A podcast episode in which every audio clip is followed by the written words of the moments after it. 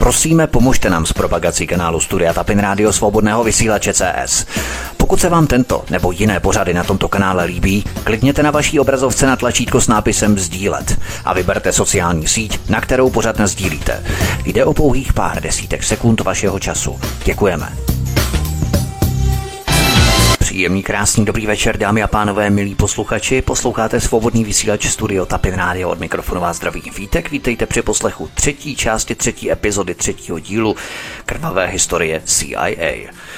V minulém díle jsme se podívali na detailní počínání Lee Harvey Oswalda měsíce před Kennedyho atentátem, který na něj spáchal. Oswald si přišel v Mexiku na konzulát, na kubánský konzulát zažádat o výzum na Kubu a dále potom do Sovětského svazu. Podívali jsme se také na obří mezinárodní schéma, jak CIA prala velké finanční objemy z prodeje opia v jihovýchodní Asii, konkrétně v Laosu. Byl to takový vedlejší produkt války ve Větnamu. Uvedl jsem samozřejmě jména tajného týmu agentů CIA a jak k praní docházelo, s jakými pašeráky se spojili a přes jaké banky prali peníze. Šlo o australskou banku Hand Bank, přes kterou financovali další tajné operace, například v Iránu, v Teheránu. Všechno čerpám z odtajněných dokumentů CIA. CIA si dokonce založila soukromou leteckou společnost, která samozřejmě bez celních kontrol, protože šlo o tajné lety, tajné operace Black Ops, vyvážela ty obrovské množství opia přímo do Spojených států amerických. Přesně takové schéma položili v Afghánistánu v roce 2001 anebo v Bolívii v 70. a v 80. letech minulého století. Tady CIA totiž měla svého naverbovaného agenta. Byl jím ex-nacista Klaus Barbie, který hlídal distribuční kanály a vzkvétající obchod s kokainem. Jeho východní Asie CIA drogy, Bolívie a Latinská Amerika CIA drogy, Afghánistán CIA drogy. Všechno stejné schéma. Pověděli jsme si i o tom, jak agenti CIA zakládají skořápkové společnosti, shell companies po světě, ze kterých financují lokální zájmy. Pověděli jsme si i o tom, jak se stejným způsobem zakládají shell companies, skořápky i pro politické strany, anebo vrcholové politiky, včetně těch našich českých, přes které protékají velké, obrovské peníze vybrané z drog nebo zbraní. Uvedl jsem konkrétní příklady, samozřejmě podíval jsem se také na válku ve Větnamu, operaci Phoenix, při které bylo vyvražděno přes 28 tisíc větnamských civilistů, nikoli vojáků, ale civilistů, a následující operaci Chaos, Chaos, která byla zase namířená proti samotným Američanům nesouhlasícím s válkou ve Větnamu. Dotkl jsem se také incidentu Watergate a zapojení CIA i FBI, respektive jejich agentů do této akce. Podíval jsem se na svržení Salvadora Allendeho v Chile a nastolení vojenské chunty Augusta Pinocheta. Právě tohoto podporovala a vynesla k moci americká CIA, protože Allende byl pro Američany příliš socialistický, podle slov tehdejšího ministra zahraničí a pozdějšího poradce Jimmyho Cartera Henryho Kissingera. Podíval jsem se také na vyšetřovací komise amerického kongresu, které vyšetřovaly šéfy CIA. Ukázalo se, že měli prsty v zavraždění mnohých politiků v zahraničí, ale co bylo horší, dělo se tak na příkazy amerických prezidentů. To vyšetřila například Čarčova komise a tak dále. Takže pokud jste neslyšeli díl druhý i první, rozhodně si je prosím, milí posluchači, pustíte, protože jednak stojí za poslech a jednak informace pochopíte lépe, když budete mít položené určité základy z minulých dílů. Pojďme na první kapitolu tohoto dílu. CIA si vždy myslela, že je lepší než jakákoliv jiná vládní instituce. Chcete vědět pravdu? Byla mnohem horší. Byla to legenda a mýtus. Ke konci roku 1976 se CIA snažila vylepšit svou image. Výpověď bývalých ředitelů učiněná před americkým kongresem odhalení aféry Watergate a převratu v Chile pošpinili pověst zpravodajské služby CIA. No a tak CIA začala získávat nové agenty pomocí spotů v rádiu. To bylo neuvěřitelné, ale bylo to vážně tak. V Americe se normálně pouštěly spoty v rádiu, které náborovaly, rekrutovaly nové agenty. Potenciální samozřejmě agenty. Třeba jeden takový rozhlasový spot zněl. Máme tu reklamu, která se vám bude líbit. Jsme ústřední spravodajská služba hledáme výjimečné lidi, kteří u nás budou moct budovat svou kariéru. Můžete být jedním z nich. Pokud jste si jistí, že na to máte, zavolejte nám a domluvte si tajný pohovor. Tak to prostě tehdy bylo. Zajímavé, že? Představte si třeba teď Michala Koudelku, jak V rádiu mezi reklamou na ženské vložky, lahodnou kávu Dow F-Benz nebo tatarskou omáčku Hellmans Mluví svůj spot. Kdo chcete k čučkařům, dohodněte si váš tajný pohovor. Chcete práskat, bonzovat a nahlašovat, anonymně, aniž by se to nikdo nedozvěděl? Máte jedinečnou příležitost. Přidejte se k nám. Chcete opruzovat lidi za jejich názor, lést lidem do soukromí, kazit jim životy jenom za to, že se neklaní vznešenému bruselskému nebo americkému božstvu? Přidejte se k nám. Čučkaři na každém rohu, čučkař do každé podezřelé rodiny, čučkařem každý z nás. No, není to ohromná představa. Nicméně, vraťme se zpět do druhé poloviny 70. let. Jimmy Carter, tehdejší americký prezident, nastoupil do svého úřadu s rozhodnutím vymazat temnou minulost CIA a posléze její tajné operace podlou taktiku.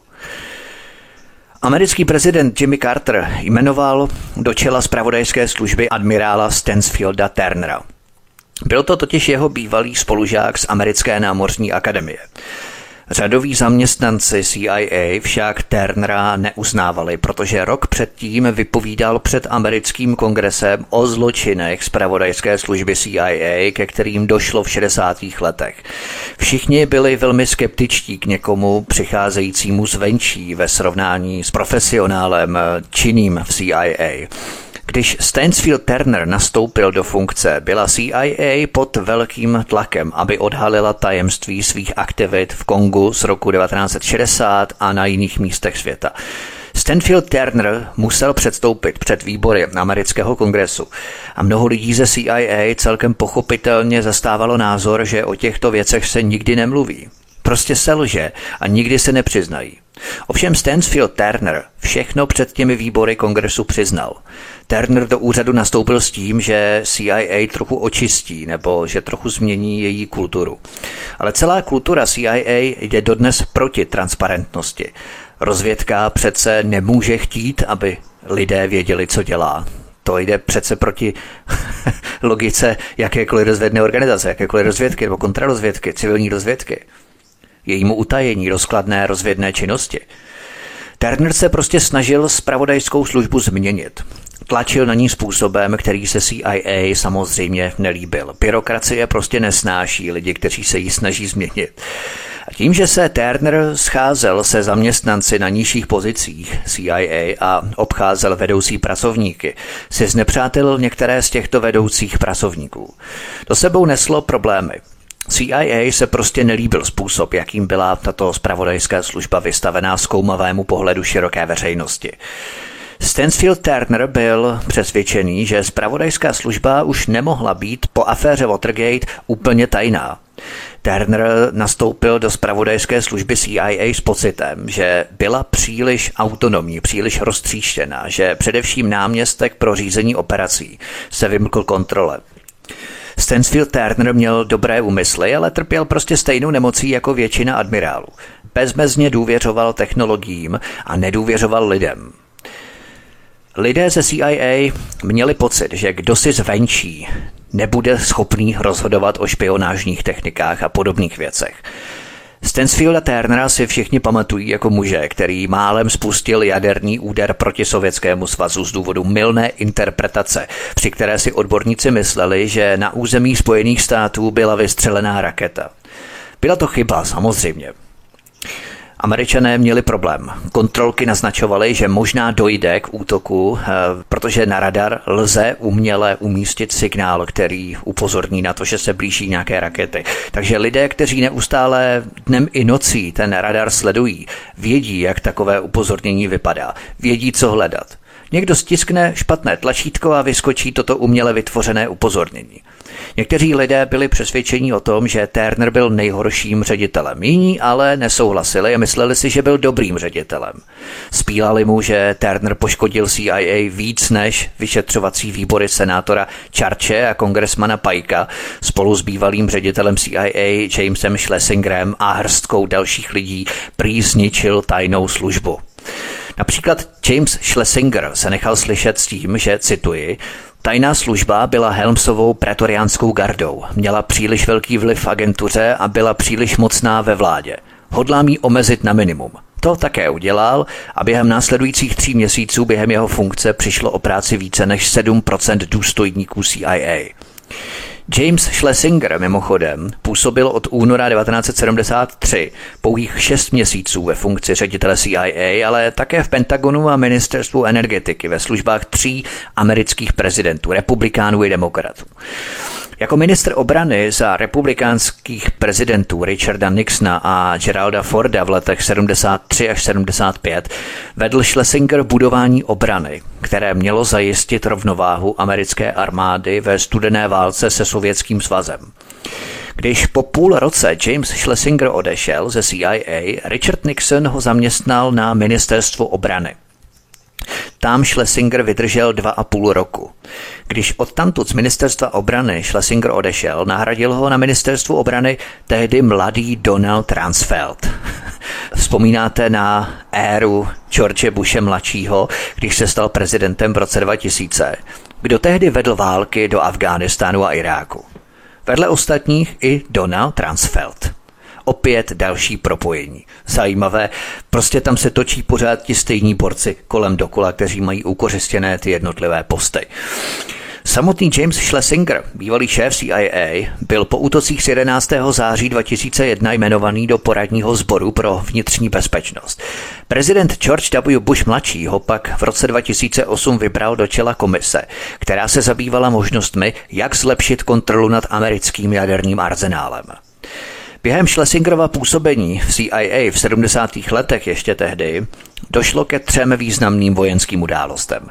V roce 1973 se na Blízkém východě odehrála Jonkipurská válka, v roce 1974 Turecko napadlo Kypr a v roce 1975 severní Větnam ovládl jich Větnamu. To byl Saigon, američané v letadlech odlétali stejně jako teď z Afganistánu z Kábulu. V Jonkipurské válce Schlesinger doplnil zásoby Izraelcům, když se pro ně válka nevyvíjela dobře, a to navzdory Kissingerovým stížnostem, že tato akce rozhněvá Araby. 20. dubna 1975 Schlesinger oznámil, že Větnam opustil poslední americký personál a ukončil tak jedno z nejrozporuplnějších období v dějinách Spojených států amerických. To je jenom taková vizitka o řediteli CIA Jamesu Schlesingerovi, který vystřídal Richarda Helmse a po něm přišel zmíněný Stansfield Turner. Po obrovských skandálech spojených s tajnými operacemi CIA začaly Spojené státy více své tajné operace maskovat a kamuflovat.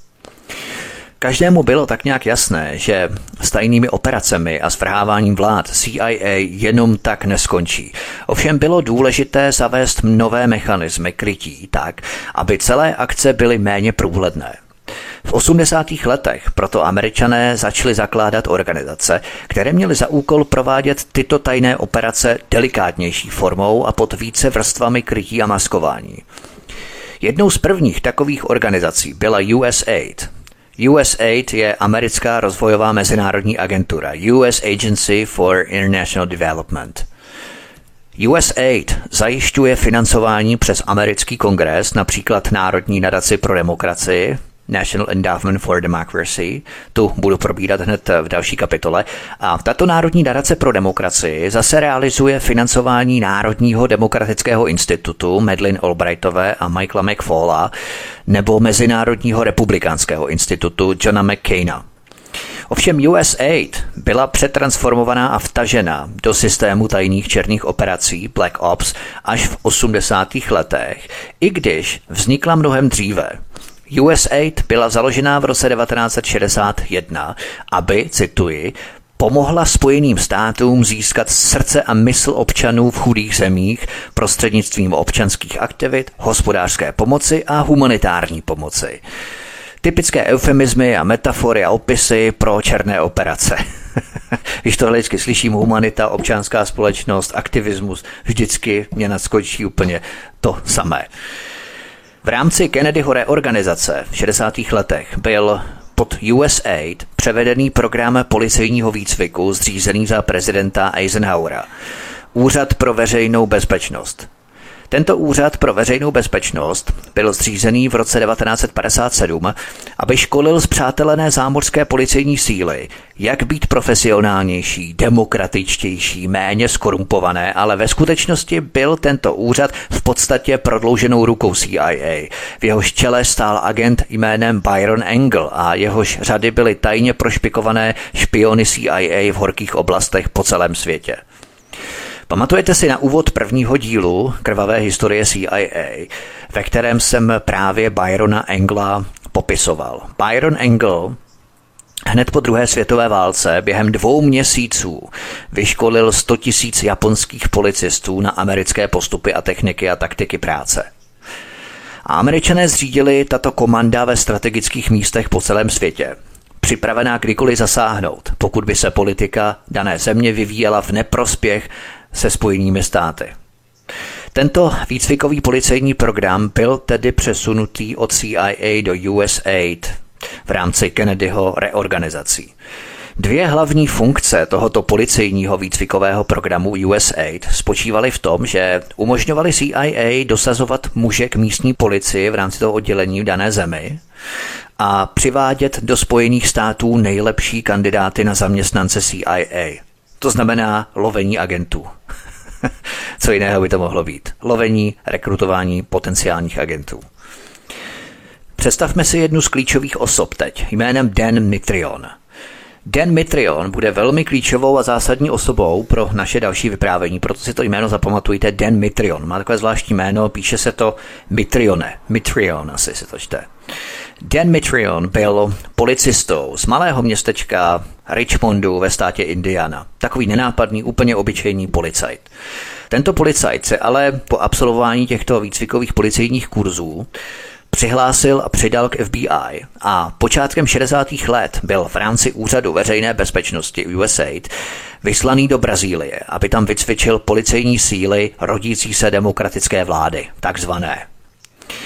O několik let později, v roce 1964, svrhl puč podporovaný Spojenými státy americkými demokraticky zvoleného brazilského prezidenta Joa Jolarta a nastolil pravicovou vojenskou diktaturu, která vládla po následující dvě desetiletí za vydatné podpory z pokladny USAID a s nezbytným výcvikem a vybavením, které dodávali úředníci USAID jako Dan Mitrion. Brazílii jsem probíral na konci prvního dílu této krvavé historie CIA, tak si to když tak pustíte v rámci té revoluce v roce 1964, která tam proběhla. Do konce 60. let, kdy Dan Mitrion odjel do Uruguaye, USAID vycvičila více než 100 tisíc brazilských policistů v temném umění vládnutí prostřednictvím teroru. Dalších 600 brazilských policistů bylo přivezeno do Spojených států na speciální školení USAID v oblasti výbušnin a výslechových technik, to znamená mučení. K tomu mučení se potom ještě vypravím. Brazilská vojenská diktatura zavraždila nebo nechala zmizet stovky dizidentů a tisíce dalších mučila a věznila. Mezi těmito mučenými lidmi, Brazilci, byla i tehdejší studentka Dima Rusufová, která byla zatčená v roce 1970 a byla podrobená bytí do obličeje, které jí zdeformovalo zuby a elektrickým šokům z autobaterií, což mělo za následek krvácení do dělohy.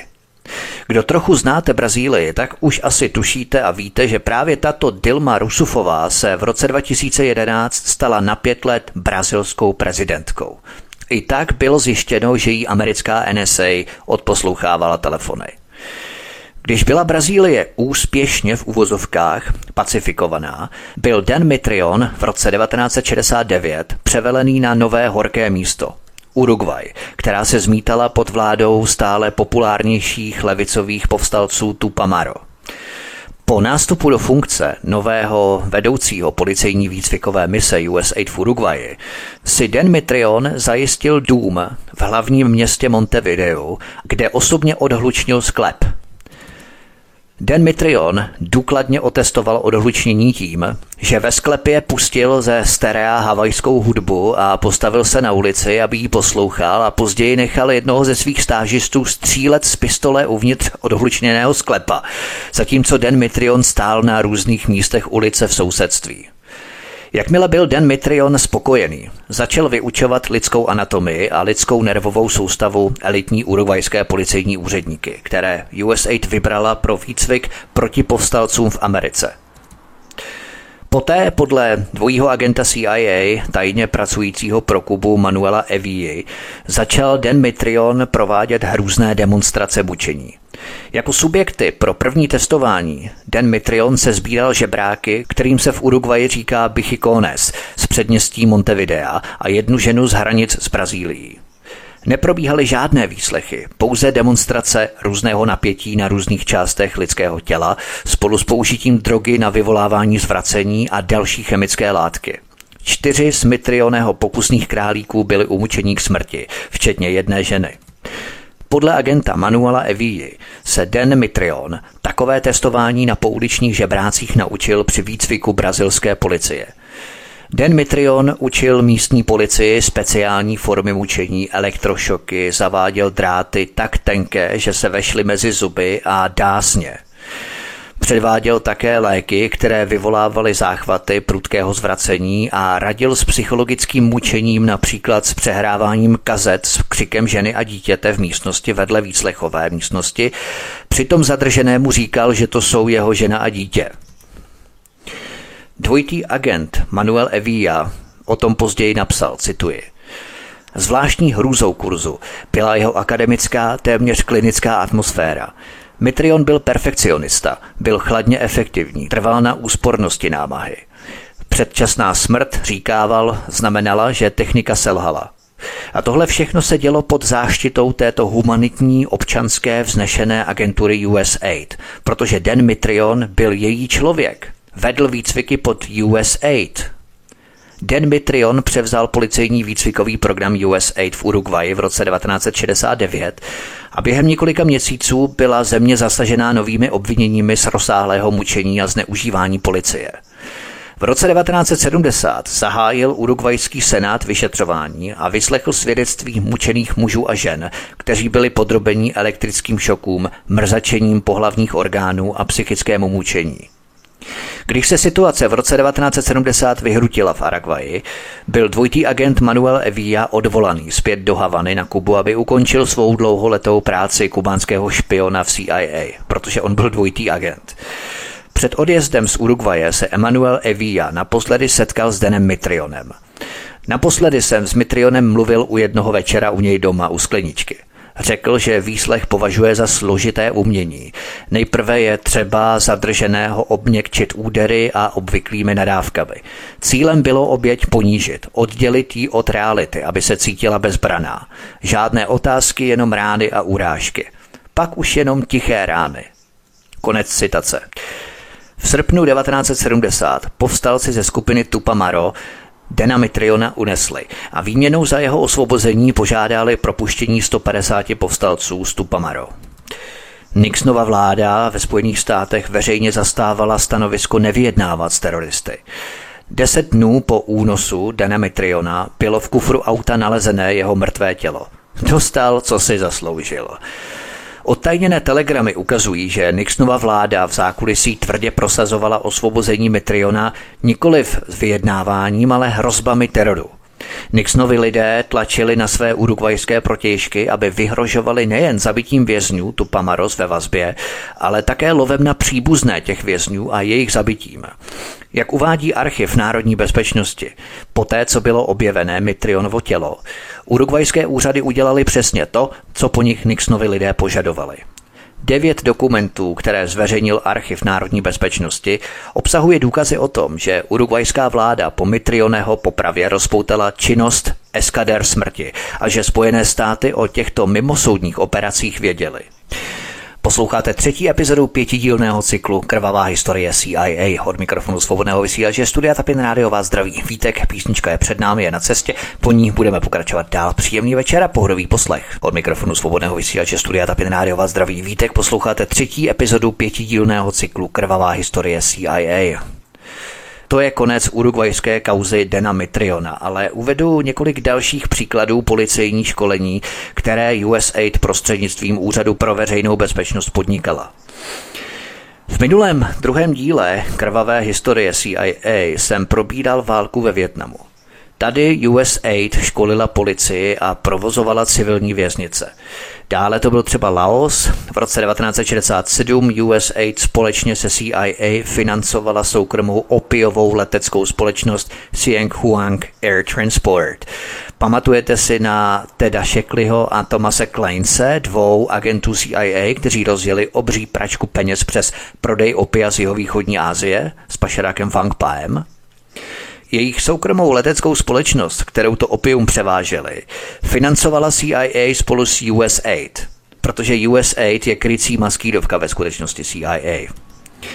USAID působila také v Guatemala po svržení Guzmána v roce 1954, což jsem probídal v prvním díle krvavé historie CIA. USAID totiž vycvičila do roku 1970 více než 30 tisíc guatemalských policistů, aby potlačili místní levičáky. O něco více než deset let později guatemalské eskadry smrti pod vedením diktátora Rio Samonta, podporovaného Spojenými státy, rozpoutali genocidu na majských rolnících. Během postupných genocidních kampaní guatemalské armády proti májům do Guatemaly nadále proudila mezinárodní pomoc ať už záměrně nebo svědomé nevědomosti. Poskytovali guatemalské armádě finanční, technickou a materiální podporu USAID, americká organizace Food for Peace, Organizace spojených národů OSN, soukromé dobrovolnické organizace, dnes známé jako NGO, to znamená vládní organizace neziskový sektor, a země Izrael a Tchajvan. Dále třeba El Salvador. Pojďme dál. Počátkem 60. let minulého století agenti Ministerstva zahraničí Spojených států, Zelených baretů, CIA a USAID zorganizovali dvě polovojenské skupiny, které se staly páteří systému eskader smrti v této zemi.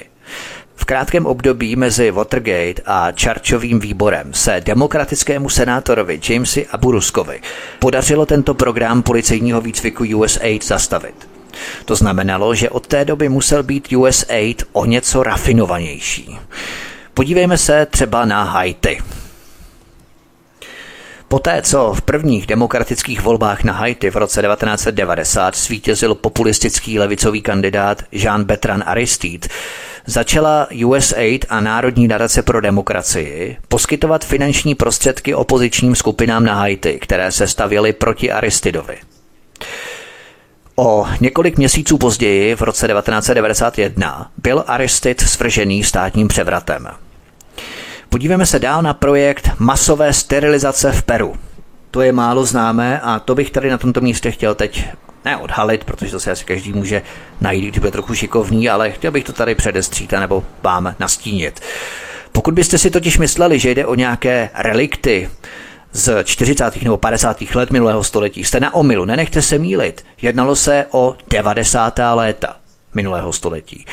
Na počátku 90. let minulého století získal Alberto Fujimori prezidentský úřad v Peru a rychle zavedl tvrdá opatření šokové terapie, které ožebračilo miliony lidí, miliony peruánců. Peruánské zbídačené masy nereagovaly na šokovou terapii tak, jak si Alberto Fujimori a jeho neoliberální koncensus mysleli, a tak Fujimori, v současnosti ve vězení za zločiny proti lidskosti, se tehdy rozhodl, že jediným způsobem, jak snížit chudobu domorodého obyvatelstva, je snížit počet chudých domorodců. A to doslova. V letech 1996 až 1998 Fujimoriho režim násilně masově sterilizoval přibližně 300 tisíc žen, většinou domorodých obyvatel v Andách a v amazonských oblastech. Fujimoriho program masové nucené sterilizace je jedním z pouhých dvou takových národních programů známých od konce druhé světové války. Ano, Alberto Fujimori byl také nadšeně financovaný z prostředků USAID, která programu věnovala 35 milionů dolarů podle dostupných dokumentů. USAID financovala třeba také velké programy na projekty v Rusku v 90. letech na zbídačení obyvatel, tamnější šokovou terapii. Tomu se budu věnovat speciálně v Rusku po studené válce v dalších kapitolách. V příštím díle pravděpodobně ale USAID se angažovala také v Palestině, třeba v roce 2006. Deník Washington Post odhalil tajné propagandistické úsilí USAID ve výši 2 milionů dolarů, které mělo pomoci umírněné palestinské samozprávě ve volbách proti Hamásu. Program v hodnotě přibližně 2 milionů dolarů vedla divize americké agentury pro mezinárodní rozvoj USAID.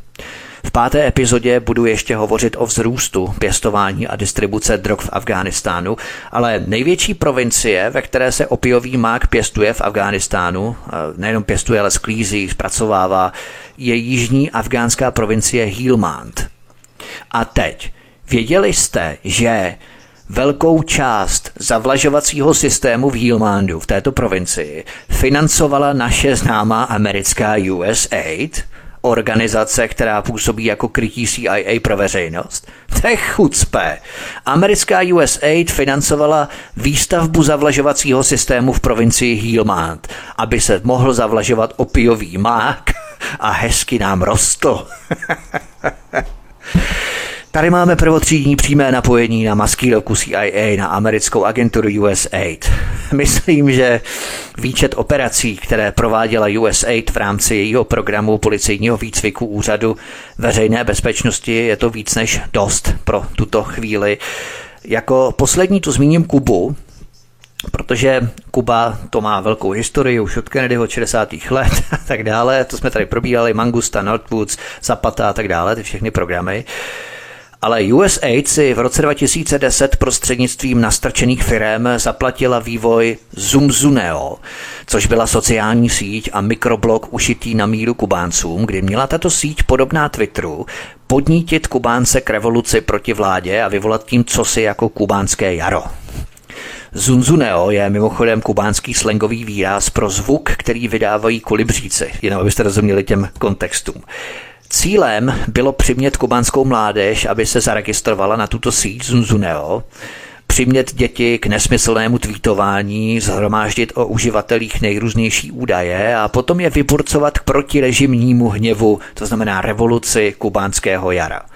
Tento plán Zumzuneo selhal, hromada peněz zmizela pravděpodobně do pokladny státem kontrolované telekomunikační firmy Kastrova režimu, nebo se to alespoň říkalo. A další pokus o rozmíchání občanských nepokojů jsme zažili na Kubě v roce 2021, nebo jsme zaznamenali na Kubě v roce 2021.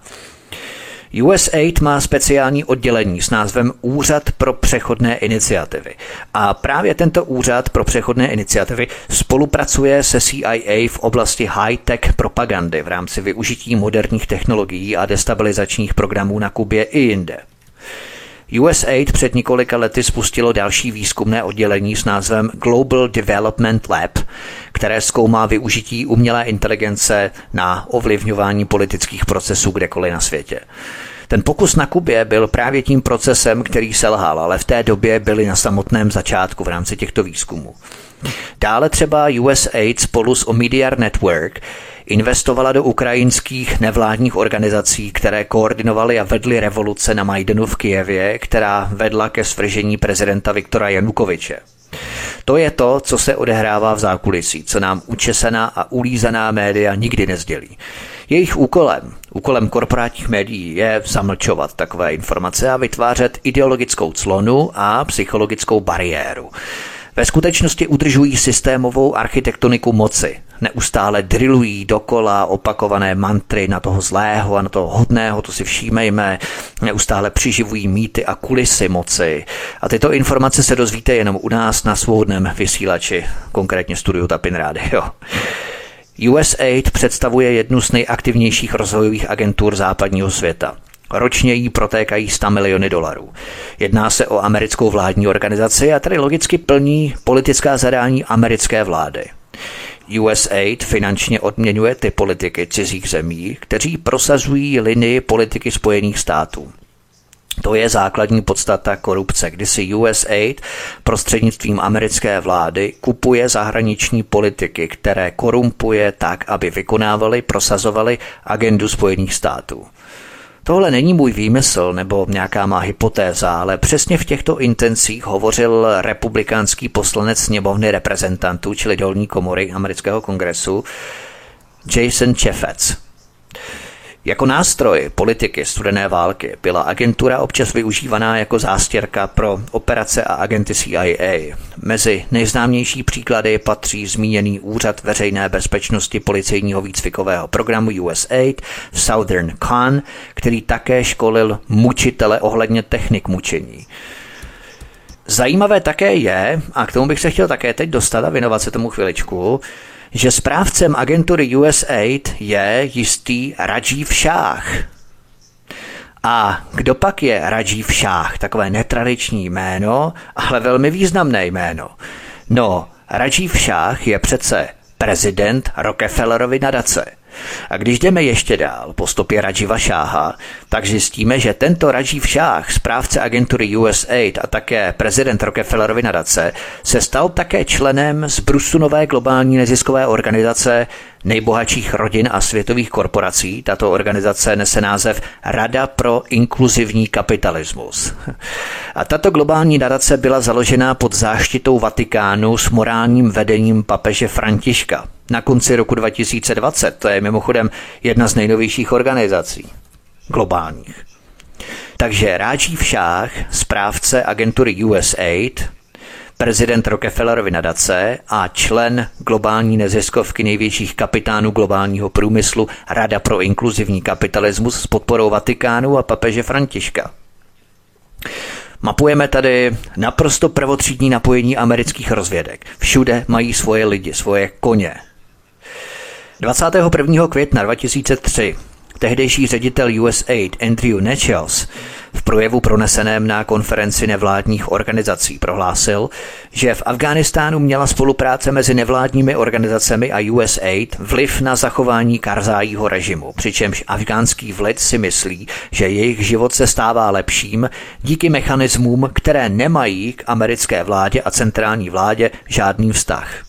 Jenom připomeňme, že Hamid Karzai absolvoval americký vládní program International Visitors Leadership už v roce 1987, tedy byl americkými kádry předpřipravený a předpěstovaný pro převzetí vedoucí funkce v budoucnu v rámci Afghánistánu a také samozřejmě byl před Georgem Bushem starším generálním ředitelem zbrojařské Carlyle Group. To je velmi důležité.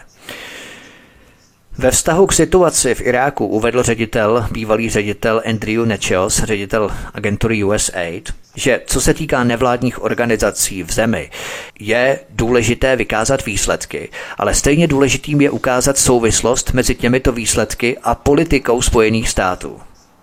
Ředitel USAID Andrew Nechos dal jednoduše nevládním organizacím na srozuměnou, že jsou nástrojem americké vlády a že byly vytvořeny jako součást amerického říšského aparátu. Podívejme se na další kapitolu. Druhou nejdůležitější organizací, která přímo spadá pod USAID, je National Endowment for Democracy, v překladu Národní nadace pro demokracii, zkráceně jí budeme říkat NED. NED. Povšimněme si, že všechny podobné rozvracičské organizace napojené na spravodajské rozvědky mají ve svém názvu velkohubá vznešená slova, jako demokracie, svoboda, občanská společnost, humanita, aktivismus a tak dál. Nejprve si povíme něco o historii vzniku této organizace a potom, abychom vůbec pochopili hierarchii, strukturu provázání těchto amerických institutů, nadací a think tanků, se zaměřím na financování. Když bylo na konci 60. let odhaleno, že některé americké privátní dobrovolnické organizace byly skrytě financované prostřednictvím CIA, aby vedly tzv. boj myšlenek na mezinárodních fórech, Dospěla tehdejší vláda prezidenta Johnsona k rozhodnutí, že takovéto financování by mělo přestat a doporučila ustanovení veřejno-soukromého mechanismu. To je velmi důležité, taková šedá clona, šedá mlhovinová zóna veřejno-soukromého mechanismu, k financování zahraničních aktivit otevřeně. V 70. letech minulého století proběhlo masivní odhalení CIA, atentáty na státníky cizích zemí, destabilizace vlád, což jsem popsal v minulých dílech, Irán, Guatemala, Panama, Kongo, Brazílie, Chile, Nicaragua a tak dále, a také třeba operace Gladio v Itálii, kterou jsem nepopisoval sice a tak dále. A spustilo se tehdy obrovské celonárodní vyšetřování, například výbor vedený Frankem Čarčem, demokratem z Idaha, Čarčův výbor nebo Čarčova komise. To všechno jsem popisoval na konci předchozího druhého dílu krvavé historie CIA. Protože byla situace neudržitelná, Reaganova zpráva vytvořila NET v roce 1983. National Endowment for Democracy je soukromou organizací a obecně lze říci, že NET podporuje takové politické strany a kandidáty, kteří jsou naklonění zájmům Spojených států v dané zemi anebo oblasti. Konkrétně to jsou často kandidáti se silnými vazbami na vojenskou oblast a takoví, kteří podporují práva amerických společností investovat v daných zemích s minimálními omezeními. NET nepodporuje kandidáty, kteří se staví proti investicím amerických společností nebo ty, kteří slibují omezení práv investic těchto amerických společností. Jedním z typických, přímo ukázkových příkladů politika, který tvrdě prosazoval zájmy Spojených států, je u nás v Česku Aleksandr Vondra, který obdržel dokonce v roce 1999 od této organizace NET medaily v podobě ocenění. Tento ústav nebo Středisko Národní nadace pro demokracii NET poskytuje peníze, technickou podporu, zásobování, logistiku, školící programy, mediální know-how, PR, pomoc ve vztazích s veřejností a nejmodernější vybavení k výběru politických skupin, občanských organizací, odborů, disidentských hnutí, studentských svazů, skupin, knižních vydavatelství, novin a dalších sdělovacích prostředků.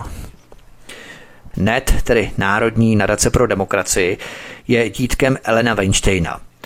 Ellen Weinstein je profesorem na Brownově univerzitě a Georgetownu a redakční kolega The Washington Post – Weinstein je také výkonným redaktorem Washington Quarterly, což je středisko strategických a mezinárodních studií v Georgetownu. V podstatě takový mozkový trást, jehož stoupenci spolupracovali s Henry Kissingerem a Zbigněvem Břežinským. Zbigněv Břežinský, člen Rockefellerových uskupení Trilaterální komise a Council on Foreign Relations, výbor zahraničních vztahů, objevil třeba známou smíchovskou rodačku Janu Marii Korbelovou, později známou jako Medlin Albrightovou, která sedí ve správní radě v ostře protiruské Eurasia Foundations nebo Aspen Institute. Jehož pražská pobočka působí od roku 2012 v České republice. Já tady nebudu probídat do detailu Aspen a další instituce, protože to je takové suchopárné, tak trochu jenom chci nastínit, jak američané začali tyto tajné operace rafinovaně maskovat pod jakousi šedou clonu mlhovinu neprůhledných veřejno-soukromých nadací, nebo ten veřejno-soukromý mechanismus. Ellen Weinstein v roce 1991 prohlásil, že to, co dělá NET dnes, dělala tajně CIA před 25 lety. Další ředitel NEDu Karl Gershwin otevřeně přiznal, že NET je krytím pro CIA v roce 1986. Tady přesně dokumentujeme, jak američané lépe a delikátněji dělali v podstatě stále totéž až do dnes. Jednoduše našli dostatečně důmyslný mechanismus, veřejnoprávní mechanismus, neprůhledný, jakýsi střed, aby dosáhli téhož jako dříve CIA, ale aby to nebylo tak na očích, aby to nebylo tak nápadné. Protože zločinec nikdy nezačne sekat dobrotu, ale začne své zločiny lépe tajit.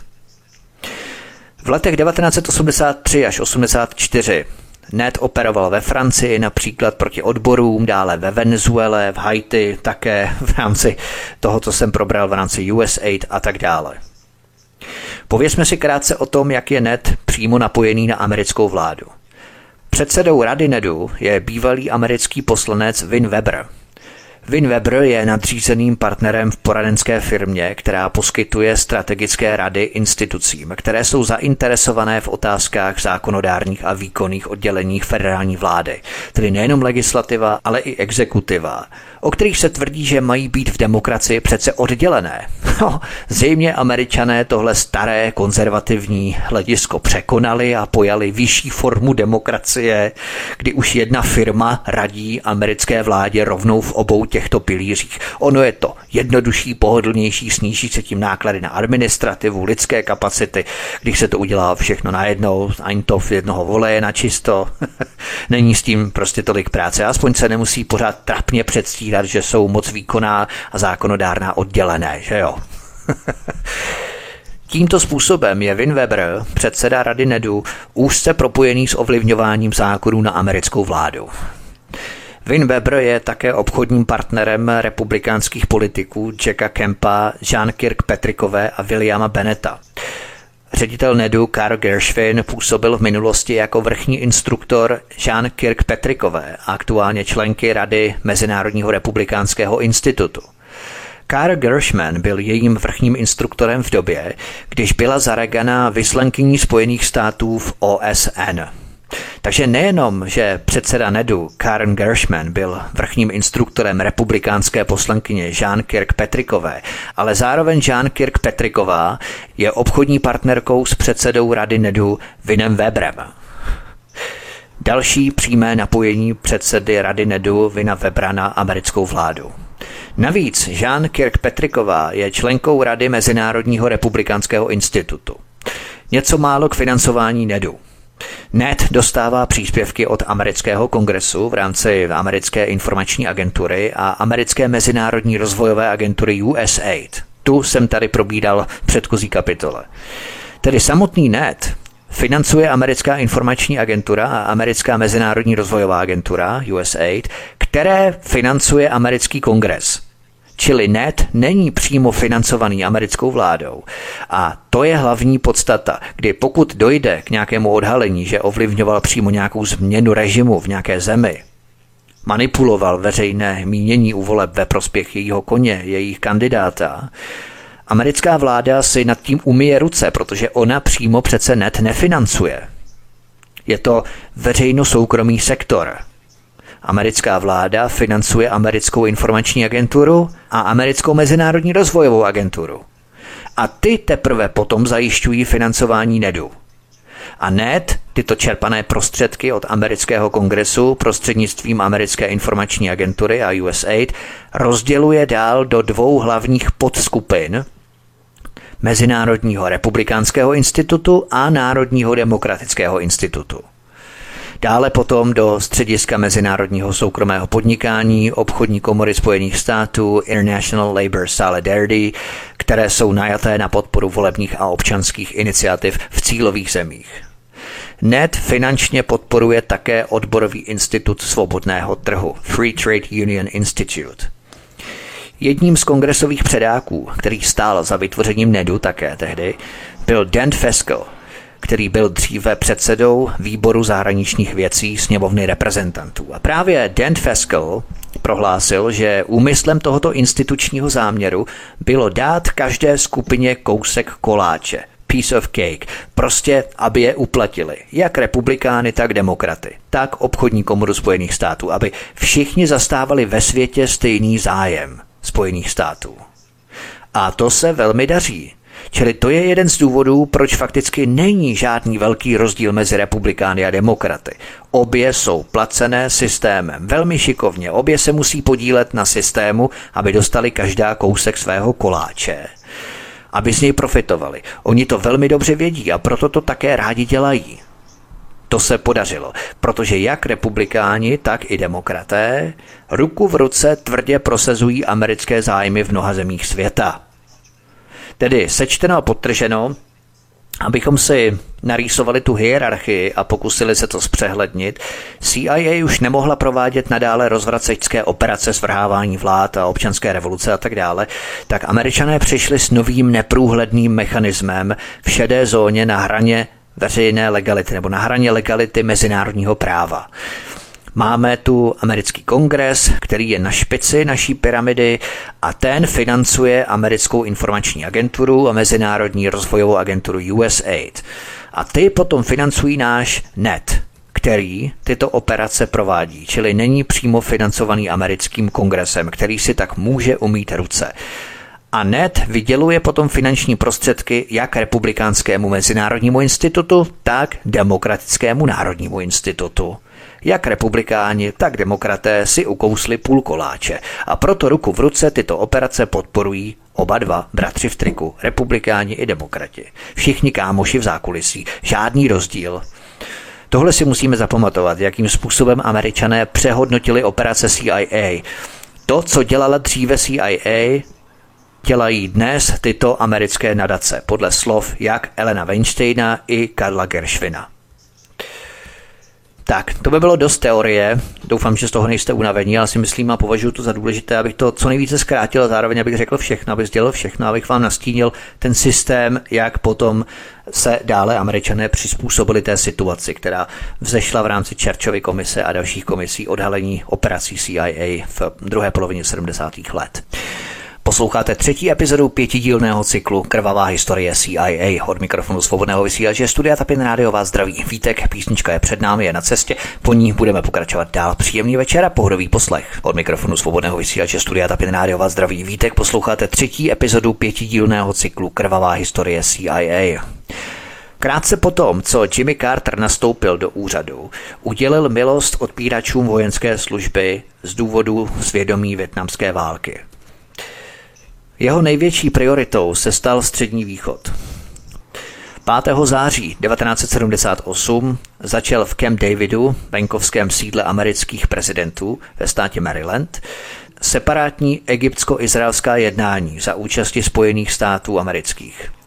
Výsledkem těchto jednání pak byla později rámcová dohoda o uzavření mírové smlouvy mezi Egyptem a Izraelem a rámcová dohoda o dosažení míru na Blízkém východě – Izrael stáhl své síly z egyptského Sinaje, vyklidil tamnější osady a zase Egypt garantoval volnou plavbu izraelských lodí skrze Suezký průplav. Dohody s Kem Davidu vedly poté k egyptsko-izraelské mírové smlouvě podepsané 26. března 1979. 13-denního jednání se účastnil vedle egyptského prezidenta Anvara Sadata a izraelského premiéra Menachema Begina i americký prezident Jim Carter se svými poradci. Těmi poradci byly známé firmy Zbigněv Břežinský a Henry Kissinger.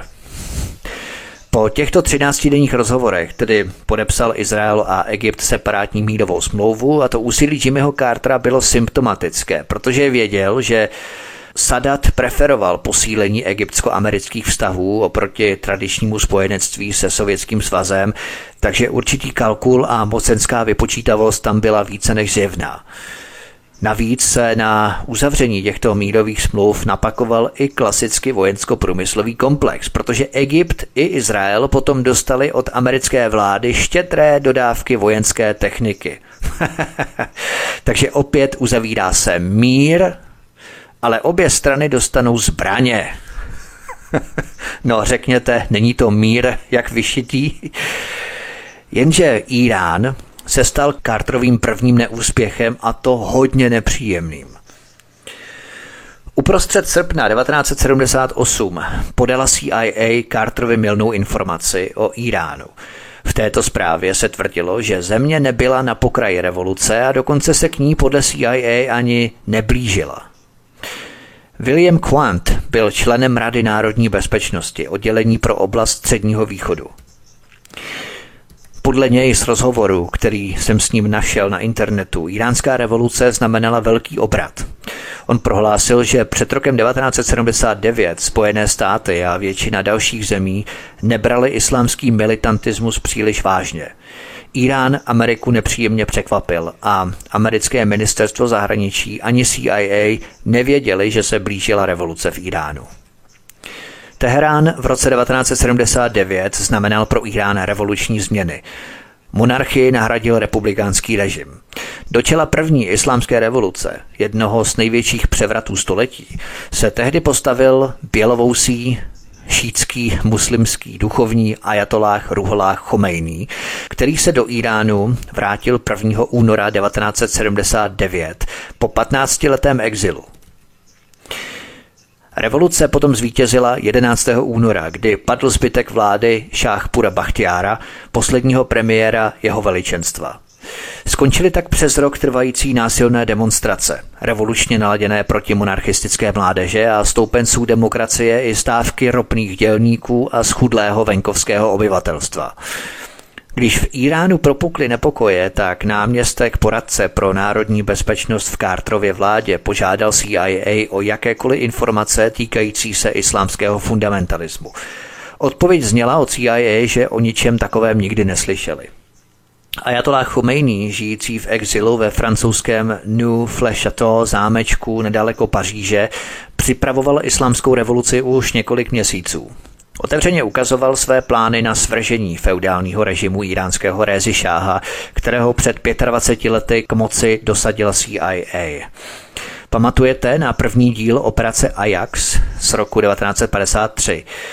Proto je důležité si tu krvavou historii CIA pouštět úplně od začátku, abychom pochopili souvislosti v plném rozsahu a všechno se nám krásně spojovalo dohromady. CIA se domnívala, že i přes potíže, které doma šách měl, disponoval velmi mocnou armádou a složkami tajné policie. Takže pokud by došlo k pouličním nepokojům, mysleli si, že by šách tuto policii povolal. Američané měli za to, že by šák dokázal zabíjet, kdyby to bylo třeba, ale udržel by se u moci. Šéf CIA, admirál Stansfield Turner, tehdy několikrát veřejně prohlásil, že CIA neměla žádné náznaky toho, že by 80-letý šítský duchovní, žijící ve Francii, dokázal zorganizovat tak rozsáhlé revoluční hnutí. CIA se ovšem velmi zmílila. CIA a ostatní americké rozvědky nepochopili, že Chomejný byl schopný provést to, co tehdy provedl a způsobem, jakým to provedl. Po celou dobu, co byl Chomejný v exilu, si ho na americké straně téměř nikdo nevšímal. Muláhové se stali zdrojem fundamentalismu během chomejného působení ve francouzském hlavním městě Paříži a Amerika nebrala prostě ten jed, který se šířil po arabském světě, vážně. Mysleli si, že šlo jenom o další sektu mezi náboženskými sektami světa. Jeden agent CIA, který byl tehdy považovaný za jednoho z nejlepších pozorovatelů a nejspolehlivějších analytiků Středního východu a Iránu, prohlásil, že Chomejný se jenom chtěl stát papežem, ale nechtěl být králem. A proto se prý nebylo třeba islámské revoluce v Iránu obávat. Samotný Reza Šách tento názor týkající se Iránu zastával také – Myslel si, že náboženské síly byly reakční a zastaralé, lehce manipulovatelné a podplatitelné a že se jich prostě nemusel obávat. Američané se jenom snažili neutralizovat komunisty a ty ostatní nepovažovali za tak důležité. To se jim přirozeně vymstilo. Byla to prostě chyba, které se i v jiných směrech dopustila i americká vláda. Američané totiž příliš naslouchali svému rézu Šáhovi, kterého před 25 lety sami dosadili a nedopřáli sluchu odpůrcům uvnitř režimu a mimo něj. Na americké ambasádě nebyl ani jeden člověk, včetně agentů CIA, který by třeba hovořil persky. Oni se věnovali cestování první třídou a nákladním opulentním večírkům na americké ambasádě v Teheránu s významnými lidmi, kteří prostě američanům říkali jenom to, co chtěli, aby věděli. CIA neměla s islamistickým hnutím v Iránu téměř žádný kontakt. Pamatujete si třeba na někdejšího šéfa CIA Richarda Helmse, kterého jsem probídal podrobně v minulém díle v rámci války ve Větnamu a tak dále. Richarda Helmse vyhodil prezident Richard Nixon, protože odmítl lhát o aféře Watergate a tím tak Nixona potopil a uh, zlomil mu vás tak eh, tento bývalý ředitel CIA Richard Helms se stal americkým velvyslancem v Iránu, v Teheránu. Bývalý šéf CIA přešel jako velvyslanec do Teheránu. Dobrá trafika. No a právě Richard Helms dokonce zakázal CIA, aby kontaktovala opozici, iránskou opozici, to bylo z dnešního pohledu velmi nešťastné, protože američané tak přišli o velmi cené zdroje informací a pokud se opozice dostane k moci, nemáte s ní navázané žádné kontakty. To byla další chyba. Pokud americká vláda podporovala diktaturu Rézy Šáha, který potíral své vlastní lidi a navíc nařídila CIA, aby nemluvila s opozicí, pak se nabízí logická otázka, na co vůbec mít výzvědnou službu, pokud nesmí hovořit s opozicí tajně, aby o tom vláda nevěděla. Bývalý šéf CIA, nyní americký velvyslanec tedy v té době v Iránu, už od roku 1953, kdy pomáhal s pučem vedoucím ke svržení předsedy vlády Mohameda Mossadeka, byl Richard Helms blízkým přítelem Rézy Šáha. A bezprostředně po aféře Watergate se Richard Helms stal americkým velvyslancem v Iránu. Byl velvyslancem i během posledních šáhových dnů. Richard Helms Šáhovi řekl, že ho Spojené státy podpoří, že mu dají zbraňové systémy, které chtěl. Existovala tedy úzká spolupráce mezi Američany a Rézou Šáhem. Ředitel CIA Stansfield Turner a manželka amerického prezidenta Rosalind Carterová neustále posílali Šáhově manželce povzbudivé vzkazy, aby se držela. Šíčtí fundamentalističtí duchovní posléze 1. dubna 1979 vyhlašují Iránskou islámskou republiku. Šínskému kléru a jeho stoupencům se podařilo změnit pro americky orientovanou sekulární monarchii ve strohý teokratický stát.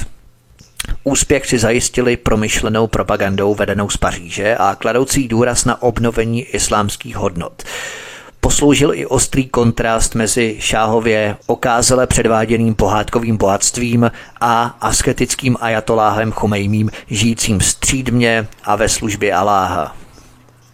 Chomejný se po vyhlášení republiky stala až do své smrti v roce 1989 fakticky nejvyšším představitelem státu, duchovním i politickým vůdcem islámské revoluce a iránského lidu. CIA se potom velmi pozdě dozvěděla, že Reza Šách byl smrtelně nemocný. Francouzi o tom věděli, ale CIA o tom neměla ani tušení. Francouzi američanům tuto informaci smrtelné nemoci Rézy Šáha neposkytli, nepostoupili. Ayatollah Khomeini se vrátil do Iránu a Spojené státy se k Šáhovi, který uprchl do exilu a v New Yorkské nemocnici umíral na rakovinu, otočili zády. Bývalý šéf CIA a později americký velvyslanec v Iránu Richard Helms naštívil šáha několik dní před jeho smrtí v New Yorku, v New Yorkské nemocnici. V Iránu se tedy chopil moci Ayatollah Khomeini. Stárnoucí Chomejný na sebe naposledy upoutal pozornost 14. února 1989, když fatvou de facto uvalil trest smrti na britského spisovatele indického původu Salmána Ráždího a jeho knihu Satanské verše, kterou označil za rouhání vůči islámu. Fatva způsobila zmrazení kontaktů na vysoké úrovni mezi Iránem a zeměmi Evropského společenství, které proti iránské sankce zrušily až 22. října 1990. Podívejme se na další kapitolu amerických rukojmích v Teheránu. Prezident Jimmy Carter musel řešit další krizi. Jak víme, Mohammad Reza Páhlaví, iránský šách, tehdy přijal na léčení do Spojených států, kde se léčil z rakoviny v New Yorkské nemocnici. To vyprovokovalo skupinu iránských radikálních studentů, aby zajali desítky rukojmích v americké ambasádě v Teheránu 4. listopadu 1979. Za propuštění 60 amerických diplomatů žádala skupina iránských radikálních studentů vydání Rézy Šáha Páhlavího, navrácení jeho majetku Iránu a závazek nevměšování se do iránských záležitostí. Krize s rukojmími a nepovedená vojenská operace, jejich vysvobození, mohly zničit Carterovy politické ambice. Při obhajování prezidentského úřadu se Jimmy Carter utkal s Ronaldem Reaganem. O jehož kampaň se staral William Casey, pozdější šéf CIA. K tomu všemu se dostanu. Události v Teheránu Cartera naprosto pohltily. Prezident Carter svolal všechny své poradce a rozhodl se začít tajně vyjednávat s novou iránskou vládou o propuštění rukojmích ještě před prezidentskými volbami. Jenomže některý ze zaměstnanců Bílého domu předával informace o každém Carterově kroku týmu Donalda Reagana. Dnes už víme, že Carter byl tehdy velmi blízko k dohodě s Iránci o propuštění rukojmích ještě před volbami. Republikáni se to samozřejmě dozvěděli předem a uvědomili si, že pokud se Carterovi podaří ty rukojmí dostat na svobodu, měl Carter šanci ve volbách zvítězit po druhé, v druhém prezidentském období. Proto se republikáni snažili, aby jeho operace nebyla úspěšná. Protože z nějakého důvodu Iránci přestali asi dva týdny před volbami vyjednávat. Prostě přestali. Jak k tomu došlo? protože zaměstnanci Rady národní bezpečnosti vyzradili utajovanou informaci Reaganovu týmu, aby mu pomohli ke zvolení prezidentem. William Casey a další představitelé Reaganovy prezidentské kampaně se dohodli na dvou sériích schůzek v červenci a v srpnu roku 1979 v madridském hotelu Ritz s Iránci na odložení propuštění Američanů držených jako rukojmích v Iránu až do doby po prezidentských volbách v listopadu 1980. Reaganovi asistenti slíbili, že dosáhnou lepší dohody než Carter, pokud počkají, až bude Carter poražený. Probíhala tedy tajná operace, která měla položit prezidenta Jimmyho Cartera. Frank Carlucci byl tehdy zástupcem ředitele CIA Stansfielda Turnera a právě tento Frank Carlucci rezignoval a vstoupil do týmu Ronalda Reagana. A brzy poté ho následoval Robert Gates. Pozdější také šéf CIA, také ministr obrany, k tomu všemu se dostanu. Jen taková drobná vsuvka, abychom si opět složili informace do mozaiky. Pamatujete si na operaci v Kongu a zavraždění prvního demokraticky zvoleného prezidenta Patrice Lubumby v roce 1960. Probíral jsem to v prvním díle, ve kterém měla prsty CIA a britská MI6. Tak, Tady jsme se poprvé setkali s tímto Frankem Karlučem, tehdy jako relativně neskušeným zaměstnancem ministerstva zahraničí v Kongu. Potom tedy povýšil a stal se zástupcem šéfa CIA Stansfielda Turnera a nakonec se potom stal ministrem obrany Frank Carlucci za Reagana. Pokud jste také poslouchali můj dvoudílný speciál o 11. září, tak si možná vybavíte tohoto Franka Carlucciho, který seděl ve zbrojařském koncernu Carlyle Group spolu s Georgem Bushem starším jako ředitelem a mladším Georgem Bushem mladším jako poradcem. Do Carlyle Group investovali také saudské rodiny, včetně Bin Ládinu, ale také tam jako ředitel před Bushem starším působil pozdější afgánský premiér Hamid Karzai. Pěkně se nám to spojuje, protože za chvilku se podíváme na sovětskou invazi do Afghánistánu, ale zpět k americkým rukojmím v Iránu. Robert Gates pracoval pro Jimmyho Cartera, Frank Carlucci pracoval také pro Jimmyho Cartera, William Casey také pracoval pro Jimmyho Cartera. Všichni ti to muži pracovali v jednom okamžiku pro Jimmyho Cartera a najednou jen tak shodou okolností všichni tyto muži zapojení v operaci amerických rukojmích v Iránu, operaci, kterou Carter rozjel, najednou začali pracovat pro Ronalda Reagana. Ronald Reagan se objevil na scéně a všichni k němu přešli a práskali mu informace od Jimmyho Cartera. 22. září 1980 Irák napadl Irán. Iránská vláda nyní zoufale potřebovala náhradní díly a vybavení pro své ozbrojené složky. Jimmy Carter přispěchal s druhým návrhem, že Spojené státy budou ochotné předat dodávky výměnou za rukojmí. Jenomže CIA tuto informaci opět vyzradila Ronaldu Reaganovi a George Bushovi staršímu a tento pokus o dohodu byl také předaný médiím a zmařený. 11. října 1980 Deník Washington Post přinesl zvěsti o tajné dohodě, podle které by rukojmí byla propuštěná výměnou za náhradní díly americké výroby, které Irán potřeboval k dalšímu boji proti Iráku. Spojené státy následně přerušili dovoz ropy z Iránu a prezident Carter dal zablokovat konta iránské vlády v amerických bankách. Přesto se rukojmí dočkali propuštění až za 443 dnů 20. ledna 1981. Bylo to v den, kdy Jimmy Carter předal úřad svému nástupci Ronaldu Reaganovi. Říká se, že 20 minut po jeho projevu, po projevu tedy Ronalda Reagana, byli rukojmí propuštění. Bylo jasné, že republikáni s tím neměli nic společného. Iránci se rozhodli Cartera ponížit tím, že rukojmí propustili až 20. ledna, tedy potom, co Carter opustil úřad Bílého domu. Zřejmě žádná dohoda mezi republikány a jednotkami Chomejního neexistovala. To je dnes zřejmé. Je to jednou z konspiračních teorií, která se vůbec nezakládá na pravdě. O deset let později Jimmy Carter popsal v televizi tyto tajné manipulace. Cituji. Prezident Paní Sadr, vůdce tehdy podřízený Ajatoláhu Chomejnýmu, při několika příležitostech veřejně oznámil novinářům, že byla uzavřená dohoda. Konec citace. Zbraně, které Iránci požadovali, byly dodané do konce roku 1982 do Iránu prostřednictvím Izraele.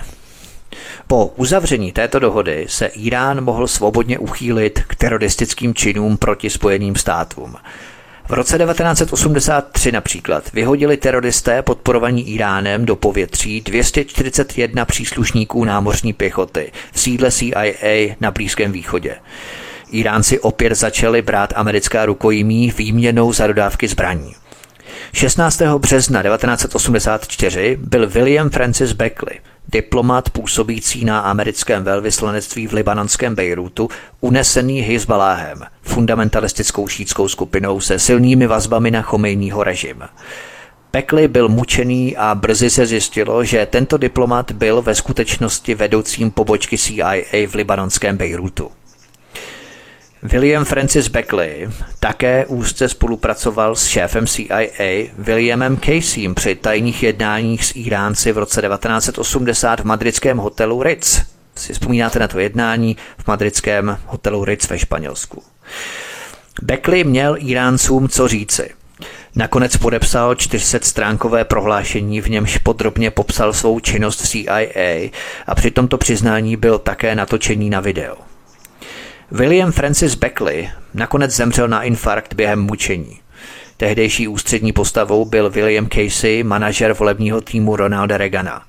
V té době William Casey cestoval po Evropě, jak jsem zmínil setkání s Iránci v Madridu. Caseyho role zůstávala dlouhou dobu záhadou. Jak jsem zmínil, byl manažerem Ronaldovy kampaně a následně se stal po Stansfieldu Turnerovi ředitelem CIA. Ronald Reagan se rozhodl učinit z Williama Caseyho klíčového člena vlády dávno předtím, než se dostal do Bílého domu. William Casey byl tím, který stál za Reaganovým výrazným vítězstvím a definitivně připravil Jimmyho Cartera o naději na úspěch. Obratně řídil Reaganovu kampaň, udělal všechno pro to, aby zajistil Reaganovo vítězství. Obchodní aktivity Williama Caseyho z něj udělali miliardáře. Casey působil také jako předseda Americké komise pro burzu a cené papíry, která kontroluje obchodování na New Yorkské burze cených papírů. Ronald Reagan měl omezené znalosti zahraniční politiky. Proto dal Caseymu volnou ruku v rozhodování o novém směřování země. Během přechodného období informoval předchozí ředitel CIA Stansfield Turner, budoucího prezidenta Reagana, o světovém dění podával informace o sovětských raketách, jejich rozmístění, práci na zrušení sovětského raketového sila. Bylo to podrobné a dlouhé informační setkání. Jenomže Reagan, jak víme, byl bývalým hercem a co takový herec může asi tak vědět o složité komplexní geopolitice. Během takové schůzky se prý Reagan zvedl, uvolnil si kravatu a prohlásil, že v místnosti je příliš horko.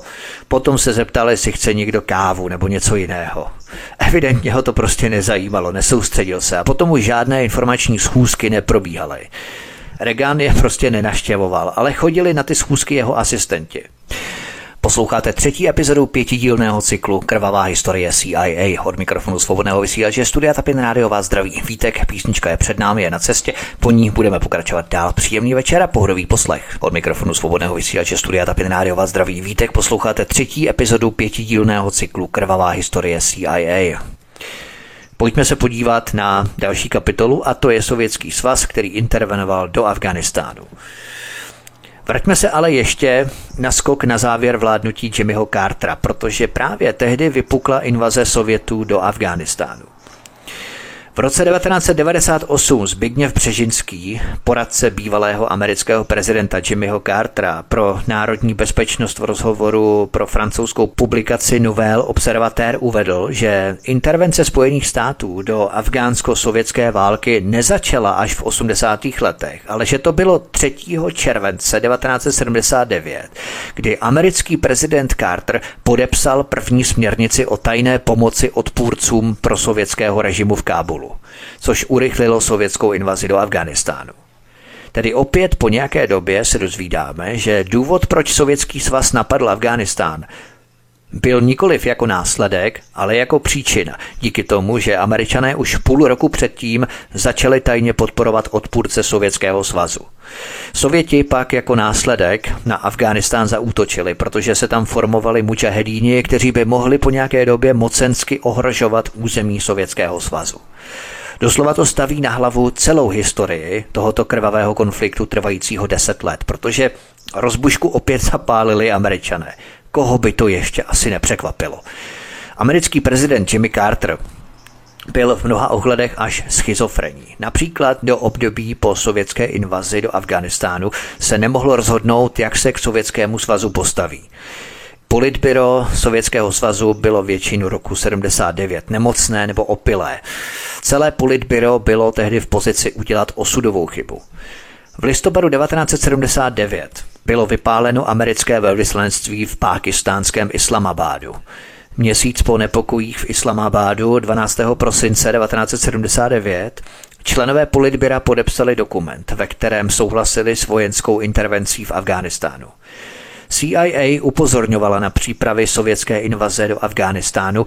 Věděli, že sovětské vojenské jednotky byly na místě, ale nemysleli si, že Sověti skutečně vstoupí do Afghánistánu.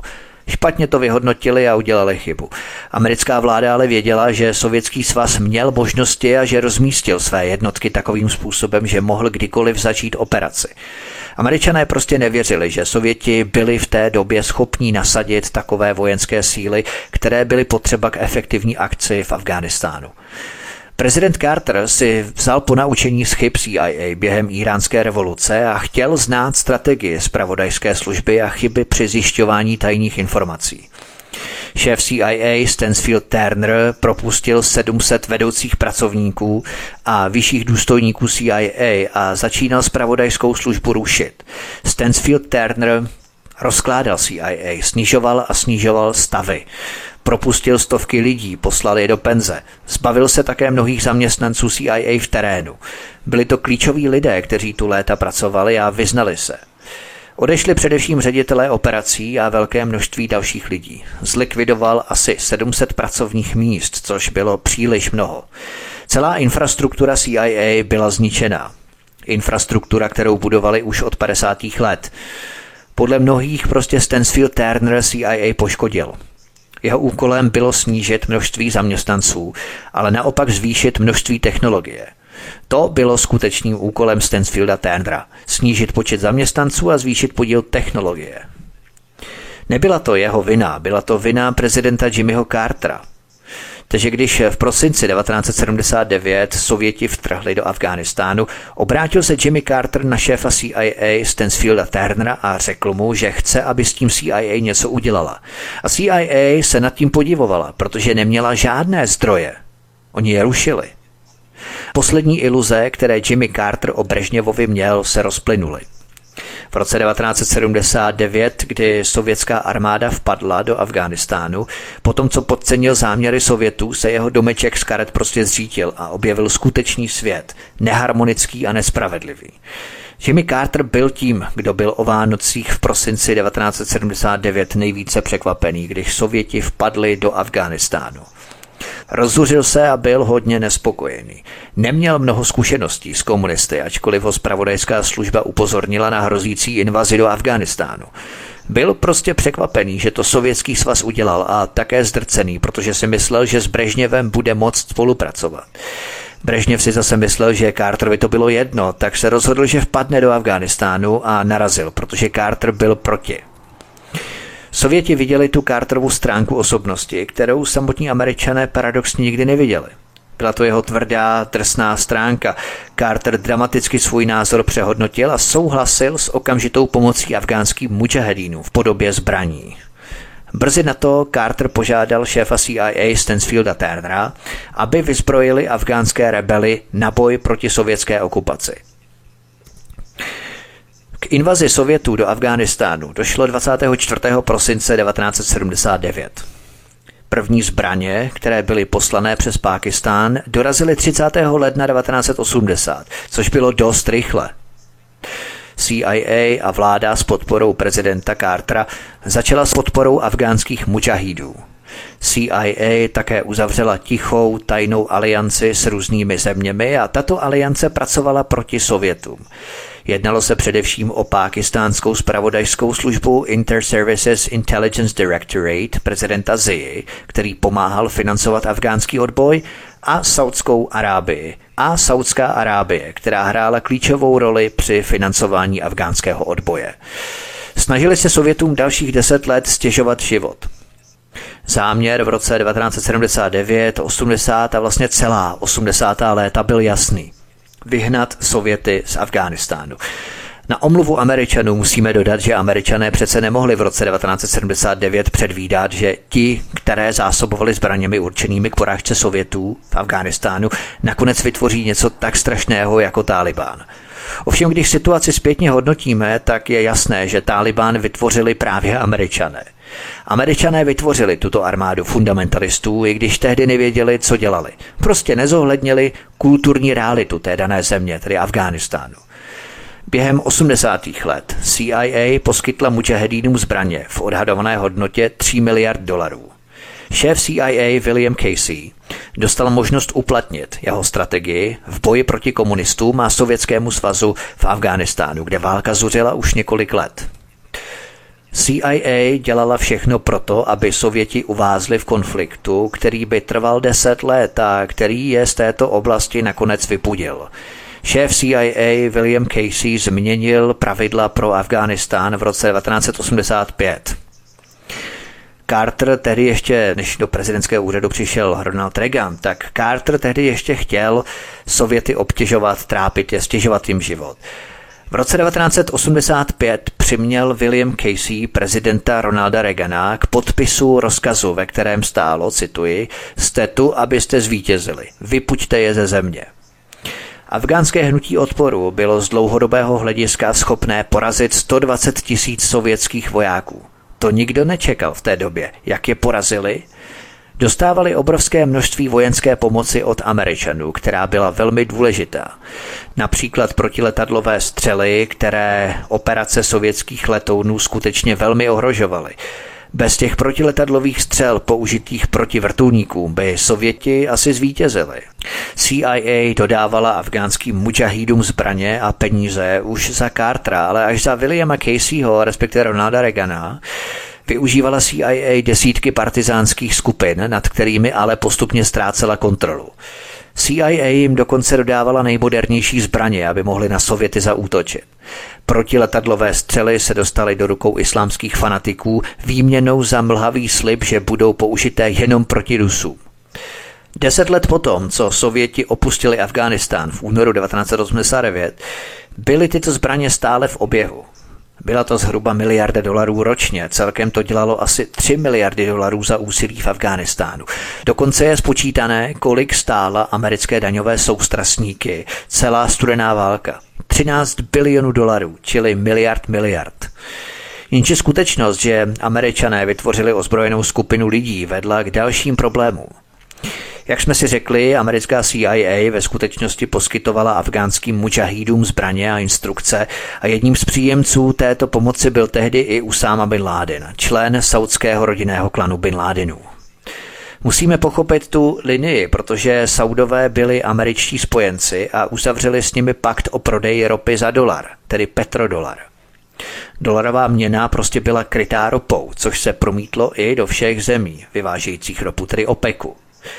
Byli tedy spojenci a vedle Pákistánu i saudská monarchie, včetně mocné rodiny Bin Ládinů, financovala afgánský odboj, protože to byl byč proti Sovětům, proti sovětské ropě.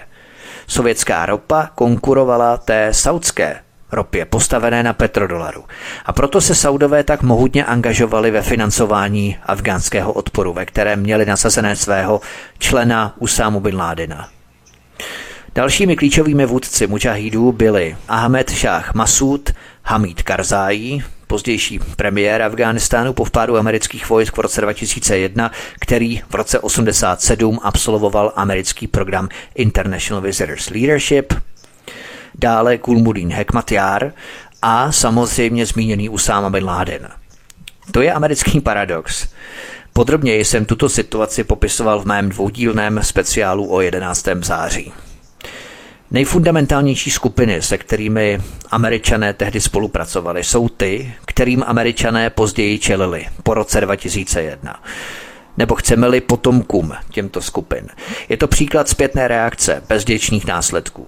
CIA podnikla kroky, které měly pomoct vykrvácet sovětský svaz a způsobit jeho pád. Nechápala však, že lidé, kterým pomáhala, nebojovali pouze proti Sovětskému svazu. Spojené státy neměly mít tolik iluzí o svých spojencích v boji proti Sovětům v Afghánistánu.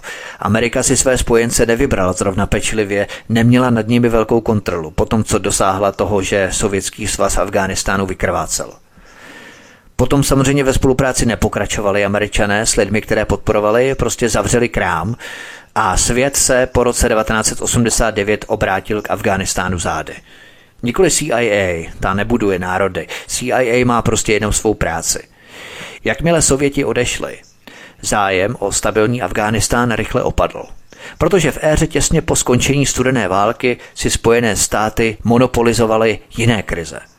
V důsledku toho Afghánistán upadl do chaosu, když váleční velitelé bojovali o kontrolu nad Kábulem. Nedostatek americké angažovanosti po odchodu Sovětů ponechal Pákistán jako hlavní sílu, která měla řídit postsovětské prostředí. Spojené státy nakonec Afghánistán po roce 1989 opustili a stal se z něj špatný stát, což zadělávalo problémy na další dekády. Výsledku jsme svědky dnes. To je pro tento díl všechno, milí posluchači. Určitě jste zvědaví, co uslyšíte příště.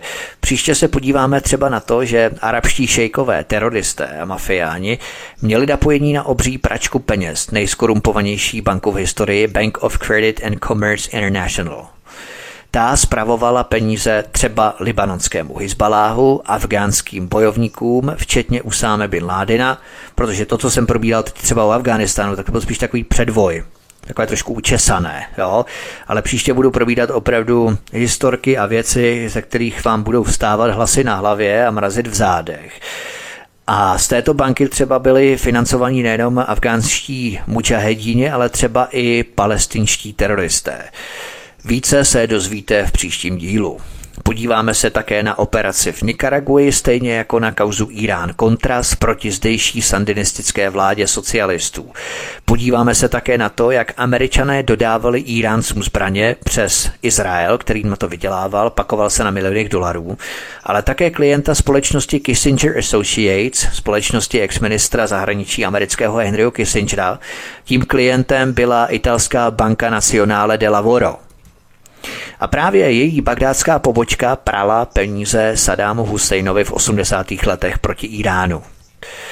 Američané dodávali zbraně Iránu a zároveň financovali Sadáma z Iráku. Opět strýček sem platí a podporuje obě strany a mne si ruce nad tím, jak zisky stoupají a rostou. Budu pokračovat rozpadem Sovětského svazu a podívám se i na dohodu CIA a KGB v uspořádání prostoru ve střední a východní Evropě. Těmto dohodám se vzepřel pouze rumunský Nikolaj Čaučesku a proto ho zamordovali s jeho manželkou a jejich rozstřílená a zmítající se těla vysílali všechny televize, aby uspíšili váhající politiky, ať drží hubu, souhlasí se vším, jinak dopadnou jako Čaučesku.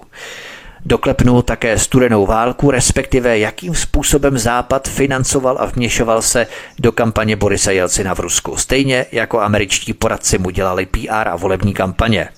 Toliko o vměšování Západu do ruských voleb. Podívám se také podrobně na válku v zálivu, jak Saddam Hussein obsadil Kuwait a jak američané a mezinárodní společenství podnikly odvetná opatření. Podívám se také na nástup Billa Clintona a jeho přístup k CIA a dalším spravodajským rozvědkám. Doufám proto, že si příští díl, milí posluchači, určitě nenecháte rozhodně ujít. Bude to opět porce zásadních skutečností, které musíme vidět o tom, jak spolu ve skutečnosti globální mafie drží basu, a to mediálně deklarované nepřátelství, na zlého a hodného je ve skutečnosti jenom iluzí a pečlivě pěstovanými kulisami už od základní školy, abychom si na to zvykali, kdo je vykreslovaný jako ten hodný a jako ten zlý. Více se rozvíte v příštím díle, milí posluchači, prosíme, sdílejte tento pořad na sociální média, je to velmi důležité, aby se k tomu dostalo co nejvíce lidí. Já vás o to prosím, budu velmi rád. Samozřejmě nejenom v rámci vašeho sdílení, ale i v rámci vašich komentářů pod tímto pořadem na kanále Odyssey, kam se prosím zaregistrujte a klikněte na tlačítko odebírat tohoto kanálu, kanálu Odyssey, abyste nezmeškali další díly krvavé historie CIA. To by bylo všechno pro dnešní pořad, pro dnešní den. Já vám přeju krásný zbytek dne. Od mikrofonu svobodného vysílače Studia Tapin Radio vás zdraví Vítek. Těším se s vámi příště opět naslyšenou u dalšího dílu krvavé historie CIA. Prosíme, pomožte nám s propagací kanálu Studia Tapin Radio Svobodného vysílače CS. Pokud se vám tento nebo jiné pořady na tomto kanále líbí, klikněte na vaší obrazovce na tlačítko s nápisem Sdílet a vyberte sociální síť, na kterou pořad sdílíte. Jde o pouhých pár desítek sekund vašeho času. Děkujeme.